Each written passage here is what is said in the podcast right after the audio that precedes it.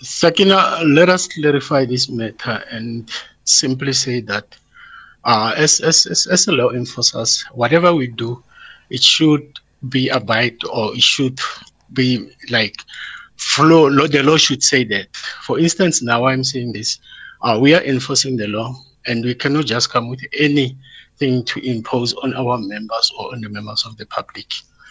By law, Road Traffic Act of 1993, of 1996, it says, if any member of the public wants or has a right to, to, to, to request our members to identify themselves, it's a law. They should identify themselves with a means of appointment card. That is clear. It's not debatable. The law says that, and we are expecting our members to follow that. And secondly, we are saying uh, in that directive to say if members of the public uh, are being stopped or members and there's a conflict, you can record that incident just for giving us as a department to investigate that matter further. That's what we are saying. We are doing that for one purpose. Uh, we, we've received such a number of incidents that you know our members are involved at. So we are trying to assist the public to making sure that they regain confidence in us. And again, we are trying to same time to protect our members because some are accusing our members with things that did not happen. They are, they're just accusing our members because of there's this thing or there's this now, the cloud that says our members are corrupt. And there's nothing like that. Yes, we agree. There are incidents that are happening. There are incidents that are, you know, on the spotlight. And we are saying as a department, we'll investigate those and those who find to be on the wrong side of the law they will follow proper procedure of this disciplinary process internally and legally will deal with them. So we are saying now uh, if you, Sakina, you want our members uh, want to identify themselves by means of an appointment card, they can do that, or they must do that. The law says that. And if there is a conflict, there's a fight that you know came out of that, we are stopped by our members. You might record that incident, and as a measure of you know your evidence when you register our complaint to us. Mm. Uh, I just want to know, Superintendent Mahamba, are your members amenable to this? Uh, is this something that you have canvassed with them? Because as a member of the public, eh, we generally face a different side of uh, members of law enforcement because they become very hostile. You try telling a law enforcement officer about your rights and see how that turns out. Sakina, uh, you recall in the past or during the past month, we've been to, to, to you guys, to media, personally myself, I'll be to different radio stations, TV, and the likes, you know, trying to engage you media about what you are doing internally.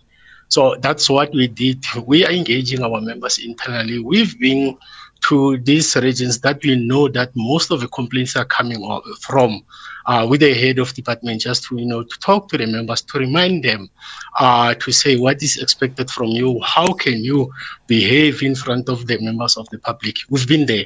So that we've done and they and they know very well what's expected from them. And as i'm saying now we we we, we want to know or we are approaching the public just to let them know of their rights what is it that they can do what is it they can't do.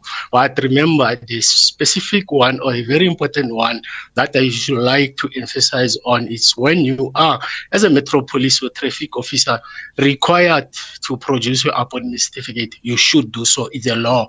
They know that they've been taught at the college. It's quite non-questionable. It is like that. And as I'm saying, as and when we move, we visit them, we also emphasize that fact that they should not, you know, uh, uh, fight against that. If you are required to produce your appointment certificate, you should do that.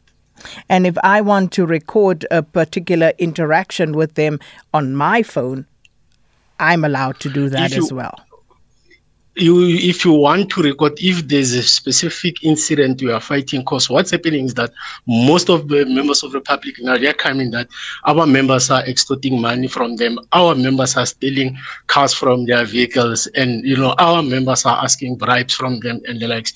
We are saying you can record that incident as a means of evidence so that when you bring it to our attention, we'll be seeing, although we know very well that we'll take statements from yourself as a member of the public and our member, but whatever means you might have that you can produce to us as evidence, it's more than welcome. Okay. Just a few quick ones that I want to run through with you, uh, Superintendent Mahamba. Uh, did your department employ 200 officers with criminal records during the first phase of insourcing in 2020? Uh, that's falsely reported again. I'll clap it with the one that you first registered that two of our members uh, were arrested in Diepsloot area, working in Joburg area. That's not true. Mm-hmm. The truth is that two of our members, they were detained. We received a call uh, from JMPD side to say they are getting complaints about members who are working there. They are not known to them. But when they rush to the scene, we also send our team, our investigating team internally uh, to the same scene. Yes, we found that those two members are Tshwane Metro Police officers, but they are operating in the Joburg, in the Johannesburg area without permission, without uh, getting authorization of using their private vehicle to be there.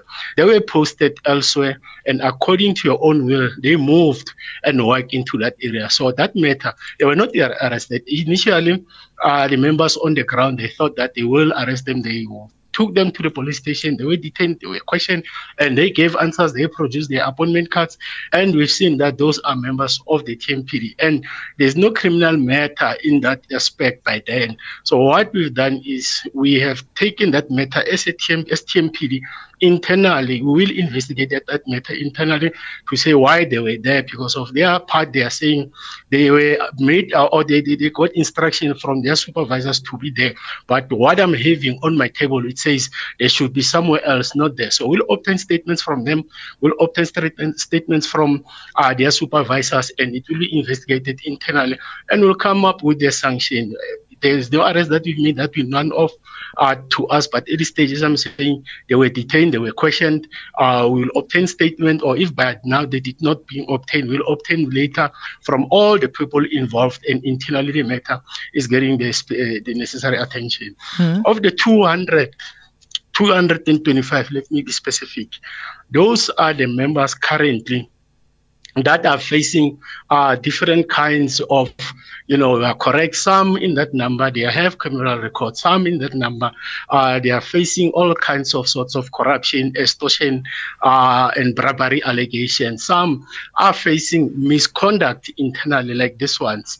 Again, on the same weekend, we, we, we, we spotted seven members uh, somewhere in the Pretoria East area uh, on Lenwood. They were using the breathalyzer that was not authorized by the department to breathalyze members of the public to check whether they are under the influence of alcohol or not. We found them using that instrument or that equipment, of which it was not given to them by department. So that seven number also it goes or it comes from that 225. So that 225 Sakina, it's all different kinds of you know uh, crime. Uh, uh, that we, criminal activities that we're investigating against our members. Some is the internal uh, cases that we're investigating mm. against our members. Some are the members that needs to be suspended if they are not suspended by today. Because Monday I received the report to say there are some in this 225 that will be suspended.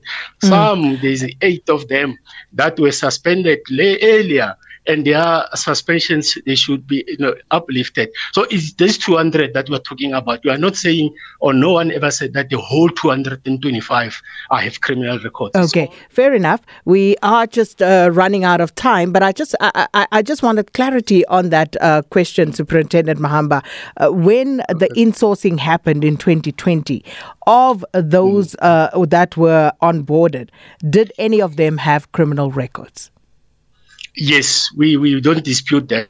There are some uh, that, you know, when they were hired during that time, uh, we pick up now that they had criminal records. Again, that particular thing is the one that we're investigating internally to say what happened. Yeah. Why did we find Mahamba having criminal records, but it's already internal, it's already in the system. So we're looking into that. And as I'm saying, it falls in that 225. We are investigating and we're assuring members of the public that definitely heads will roll.